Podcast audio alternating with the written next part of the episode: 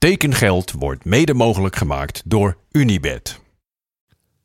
Goedemorgen vrienden en welkom bij aflevering 48 van Tekengeld.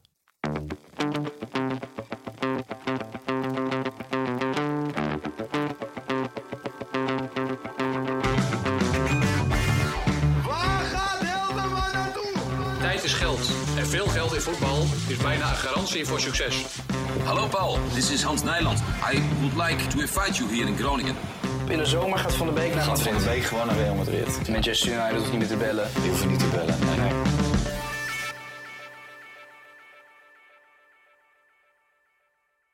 Gisteren een hele lange intro en geen transfers. Maar vandaag lopen we echt over. Dus meteen erin duiken. Veel transfers en nog veel meer vragen. Een Nederlandse club heeft weer geshopt bij Antwerp.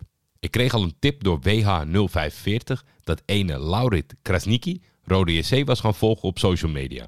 Dus het duurde niet lang tot de bevestiging kwam. Laat het nou toevallig een speler die tekengeld Antwerp-watcher Gilles Mbiabaya onder zijn hoede heeft gehad als teammanager. Wat mogen de Koempels verwachten, Gilles? Hey, dag Jordi. Eh, hopelijk is jouw zomer even goed als de mijne. Ik eh, ben volop bezig met eh Barotelli op te nemen, maar eh, voor tekengeld en voor jou natuurlijk maak ik altijd even tijd. Ik lees dat mijn oude poulain, Laurit Krasniki, vertrekt van eh, Antwerpen op leenbasis naar Roda JC. Het is voor Roda JC niet de eerste keer dat ze een Belg komen halen. Ze zijn twee jaar geleden Jamil Takidin van ehm, Jong Genk komen halen. En Mathis Didden is daar deze zomer ook al bij gekomen. Dus de Belgische markt ligt hen wel. Ehm Jordi, uh, Laurit Krasniki, sorry, heb ik zelf drie jaar eh, bij mij gehad. Bij de belofte van Antwerpen, of de Young Reds zoals ze nu noemen. Hij heeft eh, heel veel ervaring opgedaan in de jeugdelftallen en eh, ook in het eerste amateur gespeeld. Ik weet dat hij heel belangrijk is geweest in, in het enige doelpunt dat hij heeft gescoord in zijn Antwerp-carrière. In de, in de voorronde die ze speelden. In Kosovo, zijn thuisland, zijn geboorteland ook. Uh, maar Krasniki zelf is een, uh, een vleugelverdediger, geboren in 2001. Hij is uh, heel multifunctioneel. Het is een van de weinige spelers die ik ken die perfect tweevoetig is. Dus zowel links als rechts kan uit de voeten. Um, vroeger speelde hij vooral op de 10, denk ik, tot de U15, U16. Daarna is hij verhuisd naar, naar de backpositie spelen. Maar met de juiste coaching kan je hem eigenlijk overal gebruiken. Um, hij is heel energiek, echt een werkpaard. Ik denk in de jeugd is dat een soort van voorbeeld voor vele spelers. Um, hij is niet het allergrootste talent dat er uit Antwerpen kwam, maar qua, qua werkethiek kan, kan iedereen er naar opkijken, komt met iedereen goed overeen. Het is een speler die, die voor een staf ja, een droom is om mee samen te werken. Um, doe altijd wat er gevraagd wordt, zowel op als naast het veld. Er zijn nooit problemen mee. Het is een heel zelfstandige jongen ook, die, die zijn plan kan trekken. Dus het is iemand waarvoor ik geen schrik heb dat een verhuis uh, iets moeilijk kan zijn. Ik heb ook de indruk dat hij, ja, zoals ik zei, tactisch heel begaafd is. En met de juiste coaching kan je hem overal gebruiken als wingback. In een viermanssysteem, in een vijfmansverdediging. Ik denk zelfs iets hoger kan hij, kan hij ook uit de voeten. In, bij een ploeg die, die bijvoorbeeld onder zou liggen, kan hij als flankspeler uit de voeten en, uh, en verdedigend zeker zijn steentje bijdragen. Ik denk dat er uh, nooit geklaagd zal worden over, over de inzet die hij brengt. En ja, zoals ik zei, iemand die perfect tweevoetig is, daar, daar kun je alle richtingen mee uit. Dus uh, een hele leuke toevoeging aan, uh, aan elke selectie, denk ik, in het niveau van Roda JC. En uh, ik ben benieuwd of hij dit jaar ook de ervaring kan opdoen. Ik, ik dacht dat het een droge leen was, dus hij zal op het einde van het seizoen wel terugkeren naar Antwerpen. Maar Roda JC zal er zeker van genieten. Het is iemand die heel gemakkelijk een, een publiekslieveling kan worden door zijn, ja, door zijn aptitude en door zijn, door zijn werklust. Dankjewel weer en laat dat meteen weer een tip zijn voor jullie voetbalgekken. Kijk Barotelli van Gilles. Als je wil weten wat er allemaal gebeurt in België. Meestal is er gedoe rondom een transfer. Maar heel soms gunnen alle partijen elkaar nog oprecht alles. Zo ook bij de stap die linksback Nathan Chouaon gaat maken richting de Engelse Championship. Schitterende foto's van hoe Nathan door de hele opleiding van Excelsior is gegaan voor zijn transfer naar Swansea City. Die stonden te springen om een linksback. Officieel is Nathan nu de enige. Een mooi bedrag voor Excelsior. Trots, mooi. Een voorbeeld voor hoe het ook kan. Eindelijk was er weer een reden om tekengeld Heracles-watcher Raoul Rijk van stal te halen. Koen Bukker verruilt Almelo namelijk voor Kerkrade. De supporters van Roda worden vandaag op hun wenken bediend. Raoul, wat mogen ze verwachten daar van hun nieuwe keeper? Koen Bukker uit Vormer is vertrokken bij Heracles Almelo. Hij verhuist van het verre oosten naar het diepe zuiden, want hij heeft twee jaar getekend bij Roda JC. Bukker is geen topnaam voor een keeper. Wees eerlijk, het schetst niet per se het beeld van een statige vlucht naar de bovenhoek. Bukker klinkt een beetje als bangerik. Koen Zwever was beter, of Koentje klem vast in een strip of zo. Misschien Plukker. De geboren Zaandammer is allesbehalve een bangerik. Met zijn bijna twee meter heerst hij in zijn 16. In 2018 dook hij ineens op in Almelo. Gehaald als derde doelman, opgepikt bij AZ. Na twee en een half jaar keihard werken maakt Bukker eindelijk zijn debuut als Janis Blaswieg en Michael Brouwer allebei geblesseerd raken. En Bukker is geen bevend rietje tussen de palen. Hij is kalm, doet wat hij moet doen en gebruikt na afloop vaak het geweldige cliché: dat is mijn werk, ballen pakken. Als Brouwer wordt verhuurd aan Emmen en het Blaswieg aan de vooravond van zijn spectaculaire transfer naar Leipzig stevig in de kuit schiet, is Bukker een maand of drie eerste doelman in de eredivisie. Kalm, zelfverzekerd en rustig. Geweldig in het Philipsstadion en in twaalf wedstrijden verrast alleen Kukcu hem een keertje in de korte hoek. Verder vrijwel foutloos. Wel jammer, Heracles degradeert en jammer voor Bukker, Brouwer komt als kampioen terug uit Emmen. Hij is terug bij af en speelt nog maar één wedstrijd in zijn nieuwe thuis. Hij schittert in het Parkstad Limburg Stadion tijdens een bekerthriller van je welste, die eindigt met strafschoppen. Bukker stopt er twee en schiet er één feilloos binnen. Oh, what a night. Scouten is soms simpel. Al zal Bas hem ook wel kennen van de waslijst aan oefenpotjes tussen Emmen en Heracles. Twee clubs gescheiden door de N34, de plaatselijk wereldberoemde Hunebed Highway. In Limburg hoopt hij niet meer zo vaak te bukken om het lange lijf in de zoveelste duckout te vouwen. Hij is op zijn 27ste klaar voor rug nummer 1. Het liefste zou ik elke dag een speler van Heracles zien vertrekken om even naar Raoul te kunnen luisteren. Maar uiteindelijk is het maar beter dat dat niet zo is. ADO Den Haag verwelkomt de 29-jarige Daniel Granli. De Noorse centrale verdediger komt over van Aalborg BK en tekende maandagmiddag een contract dat hem tot de zomer van 2025 aan de residentieclub bindt. Granli genoot zijn jeugdopleiding bij Lier, Beurum en Stabæk. Bij laatstgenoemde debuteerde hij in het Noorse betaalde voetbal. Na zes seizoenen tekende hij in 2019 een vierjarig contract bij het Zweedse AIK.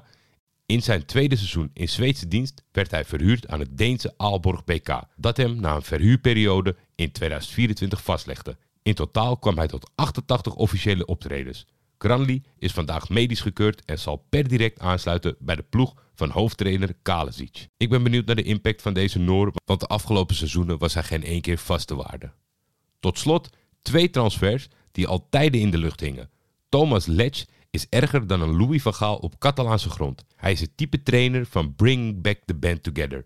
Dus als we denken aan zijn periode in Arnhem, wie mag er dan echt niet ontbreken? Inderdaad, Maximilian Witek. Mooie stap voor de wingback, waaraan ze denk ik in Arnhem met weemoed gaan terugdenken. En de tweede is Ezequiel Boujoude. Mark Lievese Adriaanse, ik verneem graag hoe jij erin staat naar aanleiding van dit toch wel snelle vertrek. Ezequiel Boujoude, of Bouloude, zoals de stadionspeaker hem in zijn eerste maanden in de Kuip noemde, was zo'n speler waarvan je als supporter vaak afvroeg waarom hij toch nooit speelde. Bij Feyenoord onder 21 blonk hij uit, maar bij het eerste zat hij eigenlijk voor op de bank. 143 minuten eredivisie voetbal en 66 minuten in de Europa League. Meer speeltijd kreeg hij niet gegund van Arne Slot. En langzaamaan werd duidelijk waarom hij zelden meedeed en aan het einde zelfs nooit meer mocht invallen. Boujoude, klonk het, had aanpassingsproblemen. Het gras in Europa was anders, het voetbal was tactischer, de talen waren te complex. En als de staf tegen Boujoude sprak, dan kregen ze niet het idee dat het aankwam. En omgekeerd. Misschien waren Nederlanders te bot voor de introverte Boujoude, misschien lag het aan Feyenoord. Misschien paste het gewoon allemaal niet, zoals het soms gaat met transfers. Dat Boca het in hem ziet zitten, zegt wel iets over zijn potentie. Op team bij Boca in de voetsporen van Riquelme en Maradona.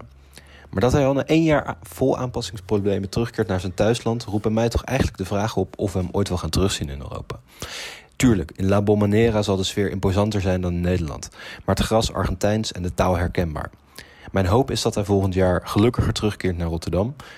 Mijn vrees is dat het toch eigenlijk bij, dat, bij die ene geweldige aanname thuis tegen FC Volendam bleef. Een spaarzaam moment van magistrale Argentijnse klasse die naar meer smaakte. En over een jaar zullen we het weten. Wordt Boujoude alsnog de, Julio, de nieuwe Julio Ricardo Cruz? Of komt hij in de clubgeschiedenis naast Lucas Prato te staan?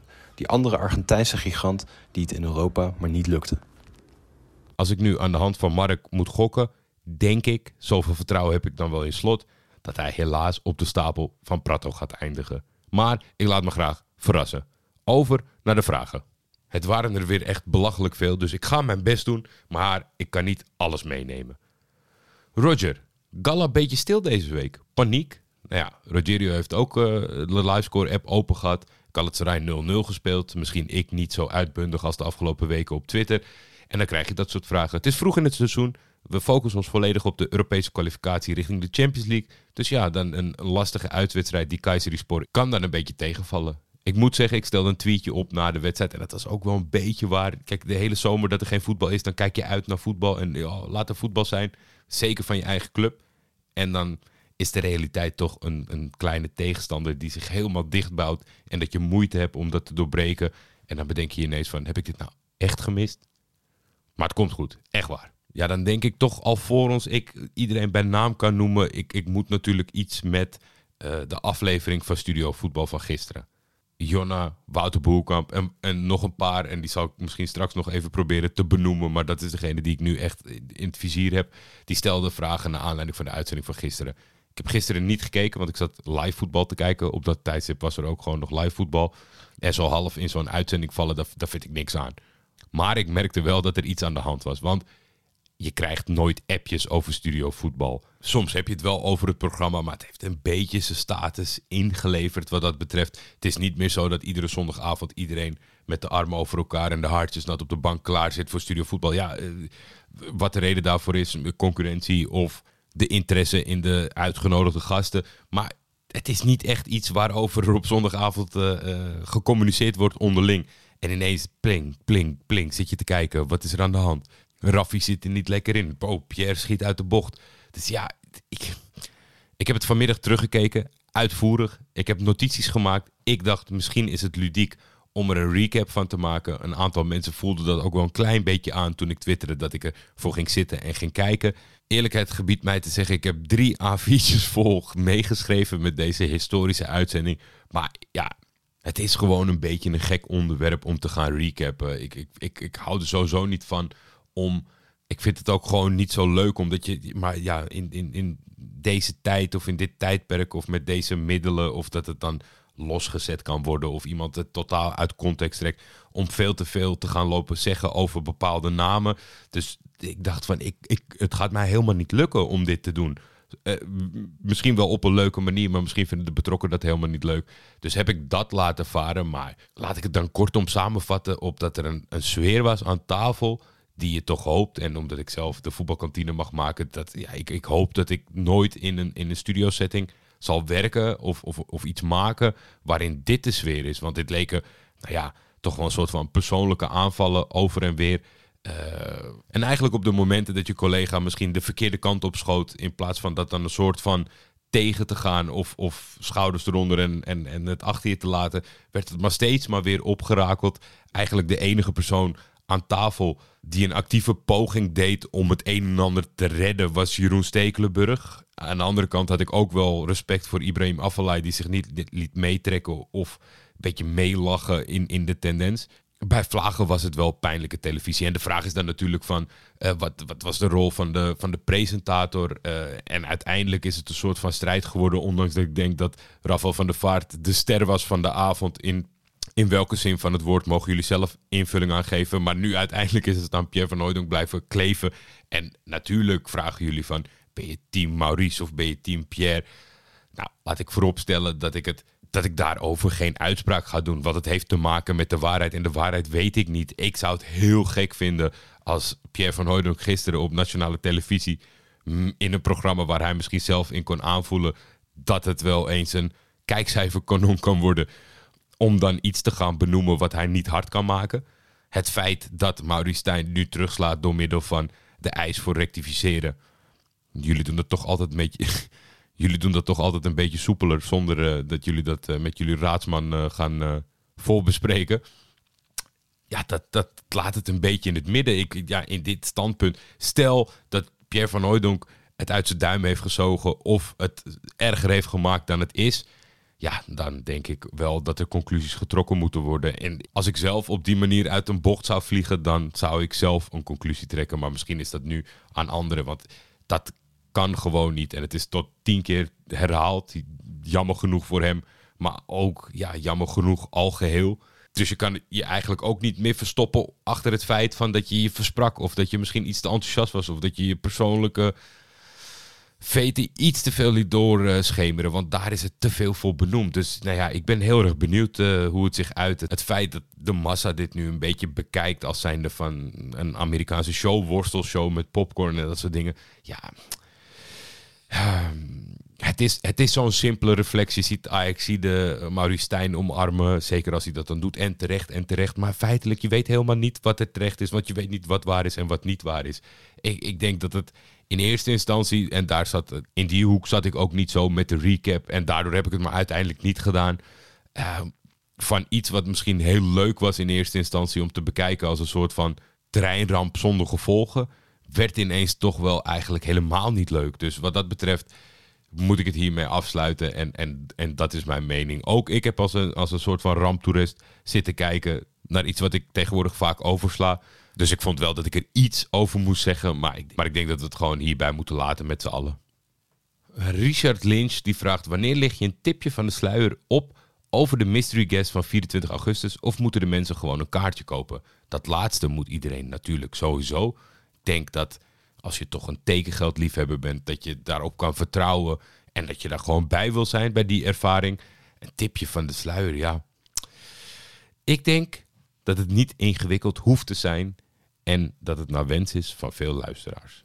Tekengeld transfer bingo legend Bruce Tol die vraagt zich af: wat is nou de oplossing voor dat Feyenoord middenveld, Vef? Ja, nou ja, met zo'n goede trainer aan het roer, Waar maken jullie in Rotterdam eigenlijk druk over? Ja, oké, het kwam niet lekker voor de dag. Nieuwkoop, vervelend, 10 man. Fortuna, bij de vorige editie in de Kuip was Fortuna ook een lastige tegenstander wat dat betreft. Ondanks dat ze dan een man meer hebben, maakt het het niet per se makkelijker. Want het is niet zo dat ze dan ineens eh, gaan aanvallen en voor de drie punten gaan. Het belangrijkste vraagstuk is denk ik, wat ziet Slot uh, voor rol in Zerouki? Hij moest en zou Zerouki hebben. Daar hebben ze veel geld voor betaald.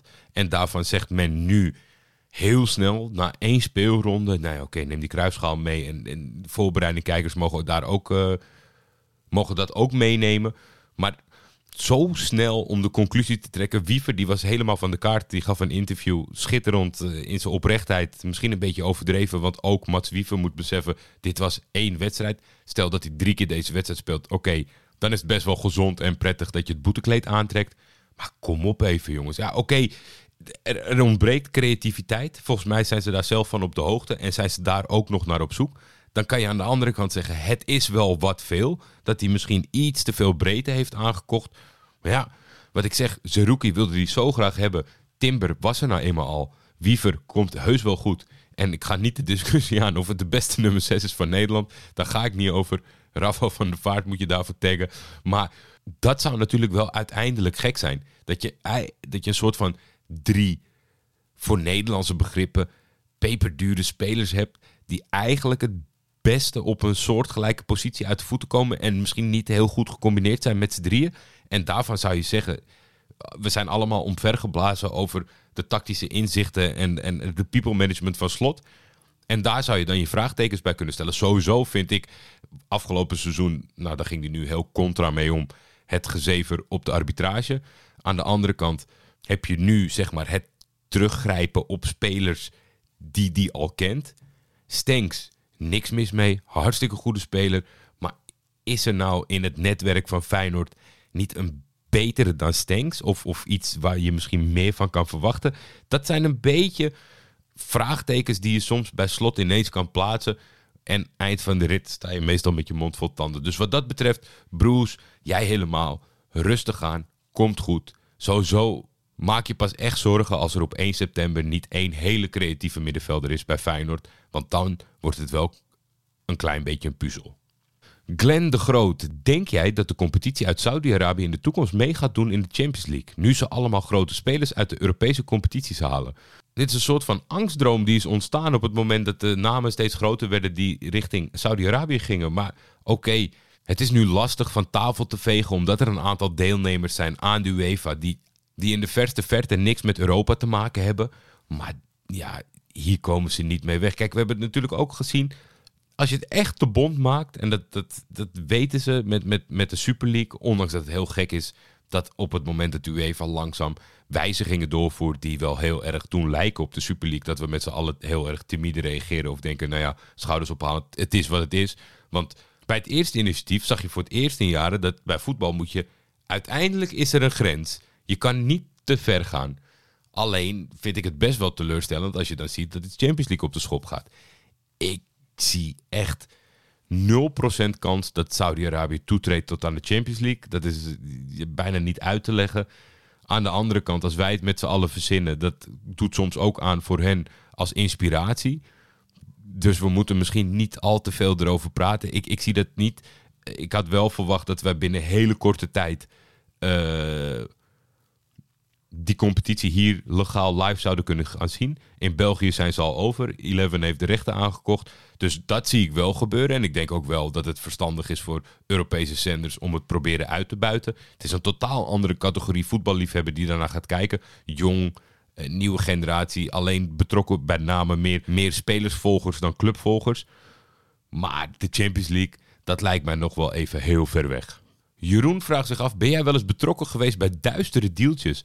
Uh, nee. Daar kan ik kort en krachtig over zijn. Nee. Uh, duistere deeltjes zijn toch over een bepaalde grens heen die het ze duister maken. Want anders had het wel oud en die open gemogen. En wat dat betreft niet. Overigens kan ik niet mijn handen in het vuur steken voor alle clubs die ik volg. Dat die geen duistere deeltjes hebben gedaan. Het hoort toch ook een beetje bij het voetbal. Jammer genoeg. In die hoek, Bram.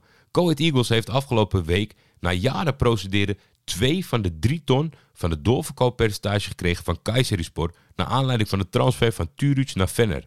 Hoe vaak gebeurt dit in Turkije? Is het verstandig om überhaupt te verkopen aan clubs in Turkije? Ja, daar zit al een soort van gevoel van jezelf in. Hoe vaak dit gebeurt in Turkije? Geen idee. Is het verstandig om überhaupt te verkopen aan clubs uit Turkije? Uh, ja, ik denk het wel uiteindelijk. Alleen valt en staat het een beetje met over hoe je je eigen zaken inkleedt. Kijk, een doorverkooppercentage is lastig, want het ligt natuurlijk altijd in de toekomst. Misschien was Turic nooit vertrokken en hadden ze daar nooit recht op gemaakt. Al met al zou ik gewoon in het achterhoofd houden, zoals ik ook altijd spelers adviseer. En dat, en dat is natuurlijk niet Turkije gebonden, maar aan veel meer landen. Waar komen de spelersverhalen altijd vanuit Bulgarije, Roemenië, et cetera. En dan staat Turkije wat dat betreft nog meer in, het, uh, in de spotlight, dus kan je daar minder maken. Kijk, het zit namelijk zo, Bram soms kunnen dit soort zaken wel eens lang duren, ook voor spelers zelf. En daarom, het, het, is altijd niet te hopen dat je er echt op zit te wachten. Dat je het per se alle minuut nodig hebt, omdat je geen andere middelen hebt. Maar je krijgt het altijd. Kijk, het gekke van de Turkse clubs is... Ik vraag mezelf altijd af, waarom laat je het zo ver komen? En het, het gebeurt niet zo vaak. Het, duurt wel lang of er wordt gesteggeld. Aan het einde van de rit kan een speler of een club altijd naar het kas. En als op het moment dat ze naar het kas gaan... worden ze in het gelijk gesteld... moet die club driedubbel betalen. Dat is wel eens plaatsgevonden. Matteo Ferrari is een van de beste voorbeelden... wat dat betreft uh, in, in Turkije. Ex-speler van Besiktas. Volgens mij had hij een miljoen te goed... Dat werd ontzettend duur voor Besiktas. Dus je krijgt het. Dus alles waar je recht op hebt, krijg je uiteindelijk. En vaak nog in veelvoud. Kijk, op het moment dat je na jaren procederen maar twee van de drie ton krijgt, dan denk ik dat het toch ook een fout is. Want als Go Eagles recht had gehad op drie ton en je gaat daarover procederen, ja, en Go had in deze zaak 100% gelijk, dan hadden ze niet maar twee van de drie ton gekregen. Dus er zal een reden geweest zijn. En op het moment dat je die reden geeft aan clubs, zullen ze daar gebruik van maken. Dus volgende keer als er een Turk uit Deventer doorstroomt bij jullie, die jullie eerst in de armen sluiten, gewoon weer voor een paar miljoen verkopen aan Turkije. Robin Hermans, denk je dat de neef van Haaland, Jonathan Brout-Brunes, bij OHL Leuven enkel naar ploegen zal kunnen gaan dankzij zijn neef? Of zit er effectief een torinstinct in de genen van de familie Haaland? Wanneer wordt Haalands broer opgepikt? Uh, Robin, ik heb echt geen idee. Ik zag de foto voorbij komen. Ik dacht, nou ja, het is ook niet grappig, want het is niet alsof het uh, een spiegelbeeld is. Hij lijkt niet per se op hem, een klein beetje. Nog nooit gehoord van Jonathan Brout. Is Leuven opportunistisch? Kan deze jongen echt wat? Luister daarvoor elke week naar Barotelli en dan kom je het vanzelf te weten. Ik heb geen idee. Ik ga het in de gaten houden. Lucky Luke, welke trainer vindt als eerste zijn Waterloo in de Eredivisie? Ja, die vraag heb ik volgens mij al beantwoord. En dan zit ik nu te puzzelen van wie gaat het nou worden? Wat heb ik al eerder gezegd? En lukt het mij om twee keer dezelfde naam te noemen? Ik weet het alweer. Ik had, ik had de coach van Volendam gekozen, Keuler. Volgens mij staat hij er inmiddels wel redelijk op. Toch wel een, een verliespartij in een wedstrijd die goed leek te beginnen voor de club. Waar hangt nou een beetje negatieve sfeer omheen? Ik vind het is allemaal zo vroeg. Ik zit vandaag, moet ik dan Studio Voetbal terugkijken? Zit ik de uh, voetbalpodcasten te luisteren? En dan denk ik, allemaal zulke stellige meningen. En dit kan niet, en die komt tekort. En ze moeten echt nog daarop, op basis van één wedstrijd, hoe dan? Eh, ik hou het bij Keuler voorlopig, want dan verlogen ik mezelf niet. Ron van denk je dat Tilman het met zijn Champions League ervaring ook op een al dan niet regenachtige maandagavond tegen Telstar kan? Ik weet niet wat jij weet, Ron. Ik, ik ga er niet vanuit dat Tilman is gehaald voor jong PSV. Uh, of hij de intrinsieke motivatie heeft om te slagen uh, in niet al te beste omstandigheden tegen een Telstar op maandagavond. Ja, ik weet het niet zeker, maar het is nu nog heel vroeg in het seizoen. Dus als hij zich moet bewijzen voor zijn trainer, denk ik het eerlijk gezegd van wel. Esther van Duin, hey Jordi, ik ben wel benieuwd als je een sporter uit een andere discipline zou mogen tekenen voor Galla. Wie zou dat dan zijn en waarom? En wie van de Galla-selectie zou je de omgekeerde weg laten bewandelen naar die sport? Dan moet ik ook nog rekening houden met wie ik die kant op stuur. Even kijken. Uh, naast, voet, naast voetbal is in Turkije denk ik de belangrijkste sport basketbal. Uh, er zijn periodes geweest waarin Galatasaray best wel goed meedeed. Afgelopen jaren is dat Fenerbahce geweest. Dus wat dat betreft zeg ik uh, Antetokounmpo naar Galatasaray. Want dan wint hij alles uh, in het Europese basketbal. En dan kunnen we Fenerbahce opzij schuiven. Ik kan er niet een mooi... Ja, dan, die rivaliteit zit me toch dwars. In plaats van er een heel mooi verhaal over te maken van... Ik zou wel een schermer ertussen willen zetten omdat het intelligentie... En, nee, gewoon pure rancune. En die gasten opzij schuiven. Antetokounmpo naar Galatasaray. Wie sturen we dan in hemelsnaam? Waar speelt hij? Bij de Bucks? Ja, volgens mij bij de Bucks. Uh, van welke speler van Galatasaray zou ik het niet al te erg vinden als hij vertrekt? Ja, dan stuur ik toch Nicola Zaniolo die andere kant op. Feitelijk omdat hij geen speler meer van ons is. Hij is best wel groot en sterk. Die moet zich best wel staande kunnen houden als iemand hem een beetje lid dribbelen. Volgens mij kunnen Italianen het ook wel redelijk dat basketbal als ze er zin in hebben. Dan denk ik fair, fair deal. Niet meer over praten, Bucks. Lennart, Tajafico terughalen. Goede set of vals sentiment? En misschien niet zozeer ten opzichte van wat er nu voorhanden is, maar zijn er geen betere opties? Ik denk dat er altijd betere opties zijn dan spelers terughalen. Ja, dat is gewoon een beetje een standpunt. En dan kan je over wikken en wegen. En dan kan je zeggen, ja, maar Rijkaard ging wel goed. Maar Verlaat ging niet goed. En ja, Winter ging ook niet goed. Je komt ook nooit zo goed terug als dat je weg bent gegaan. Stel, je hebt hier alles bereikt. En je gaat door de voordeur. En iedereen vindt het fantastisch. Je hebt het verdiend. Je hebt het zelf bij elkaar gevoetbald. Iedereen zegt, toppie, toppie, toppie. Frits, ga lekker naar de Premier League. Of dat is het scenario. En dan kom je terug omdat het niet is gelukt. Nou ja, dat straalt toch op je af. Ondanks dat je weet dat, dat jouw club minder is dan de andere club. Dan voelt het toch van, nou ja, hebben we met z'n allen gedacht dat hij... Hebben we toch blijkbaar met z'n allen gedacht dat hij beter was dan dat hij is. Of ja, toch wel in het geval van Tejefico, van eigenlijk die hele generatie die allemaal afspraken hadden gemaakt over medewerking bij een vertrek. Tejefico wilde wel weg en, en had het hier wel gezien. En toen kreeg je dat ja, toch wel treurige afscheid waarin iedereen ging klappen en gek doen op het moment dat hij aan het warmlopen was. Dat, dat, dat was niet helemaal mijn stijl. Dus je komt nooit meer zo terug bij een club als die, als die eerste keer. En dan is het altijd makkelijk op, op posities die nog iets kunnen gebruiken om dan in eerste instantie. En ik, ik vind het toch ja, is het Nederlands? Ik denk, ik denk toch uiteindelijk dat het meer Nederlands is dan bij andere landen. Kijk, die andere landen die zijn misschien een beetje doorgeslagen in hun eeuwige drang naar transfers. Maar het interesseert ze niet zoveel. Het, uh, realisme verdwijnt ook vaak in, in, in het wensenpakket. En misschien is dat wel belangrijker. Misschien durft de Nederlander te weinig te dromen ten opzichte van de andere competities in Europa. En zeker in Zuid-Europa. Kijk, ik zou hopen dat Ajax informeert bij Mendy van Real Madrid. Dat denk je, ja, nou, dat gaat toch nooit. Allerlei factoren waardoor je dat niet doet. En in Turkije, Italië, Spanje, daar staat helemaal niks in de weg om van wie dan ook maar te dromen. Als je zegt van, nou ja, het zou toch vet zijn als Lewandowski komt.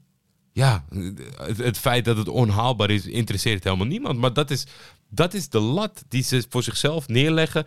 En daardoor, ja, denk ik dat je misschien vaker ja hoort, omdat je niet van tevoren al zelf dingen uitsluit. Dus ja, vals sentiment weet ik niet. Hij ging natuurlijk ergens een beetje hand in hand met Onana.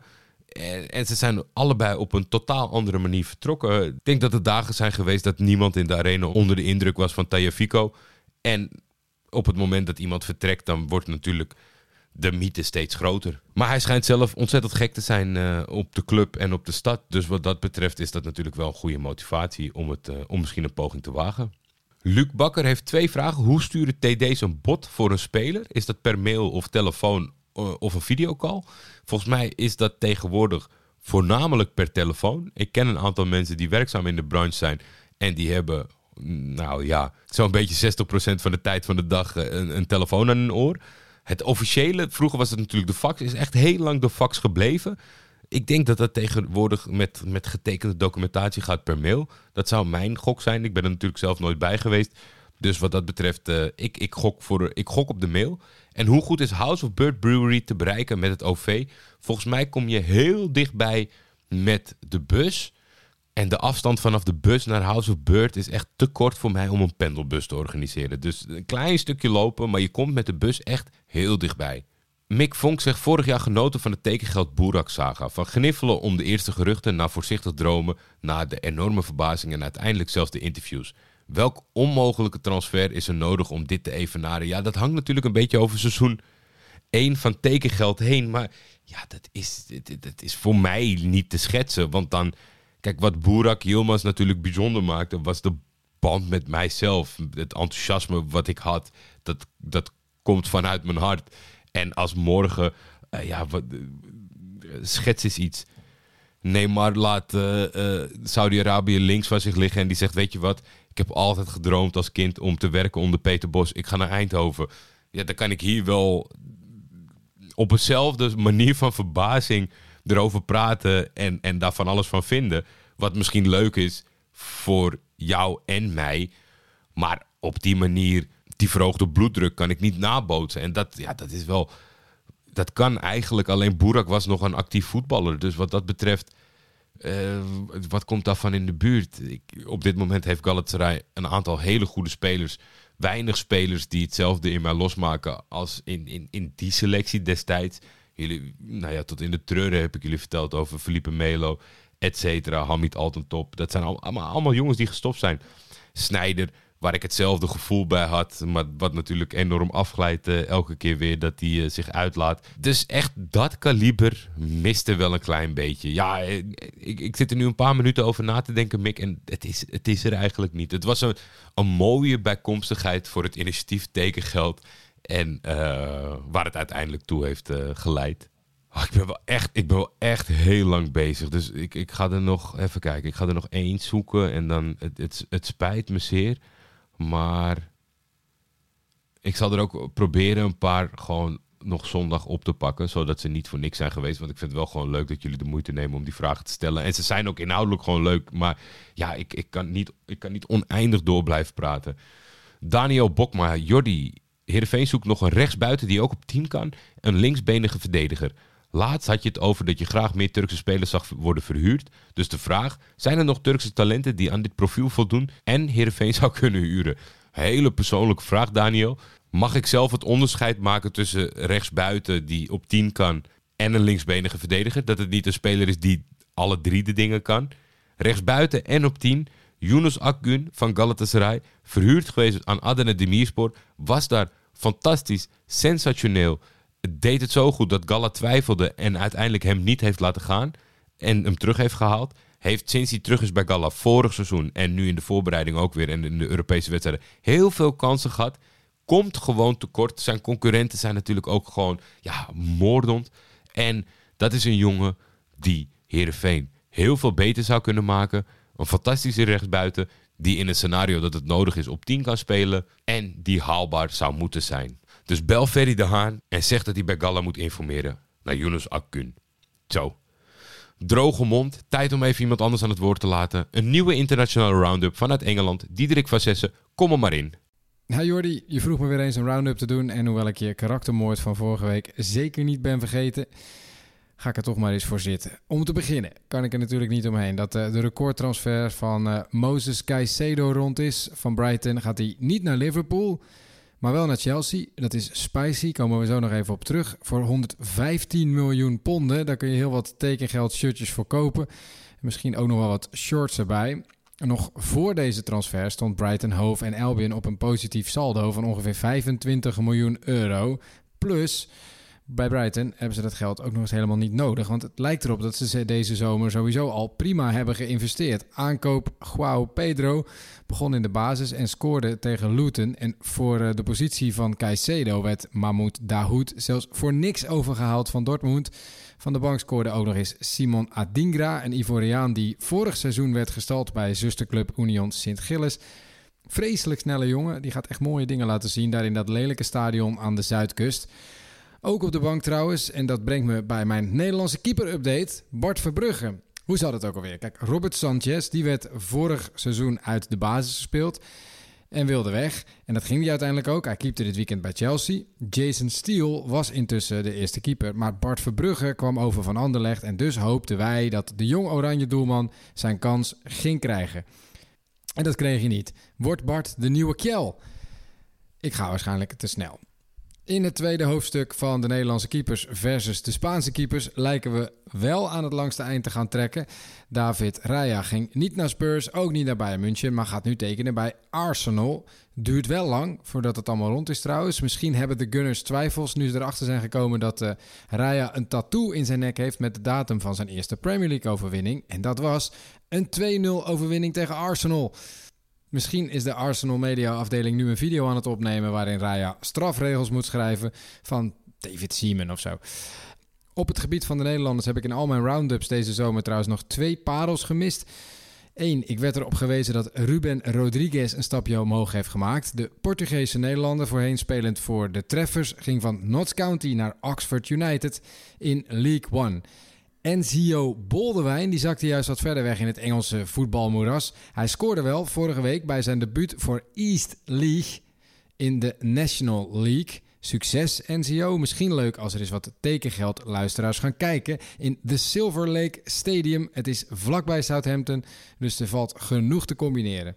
Oké, nog even kort actualiteit dan. Transfers die recent zijn rondgekomen. Vrije trapperkoning James Ward-Prowse van Southampton wordt teamgenoten met Edson Alvarez bij West Ham.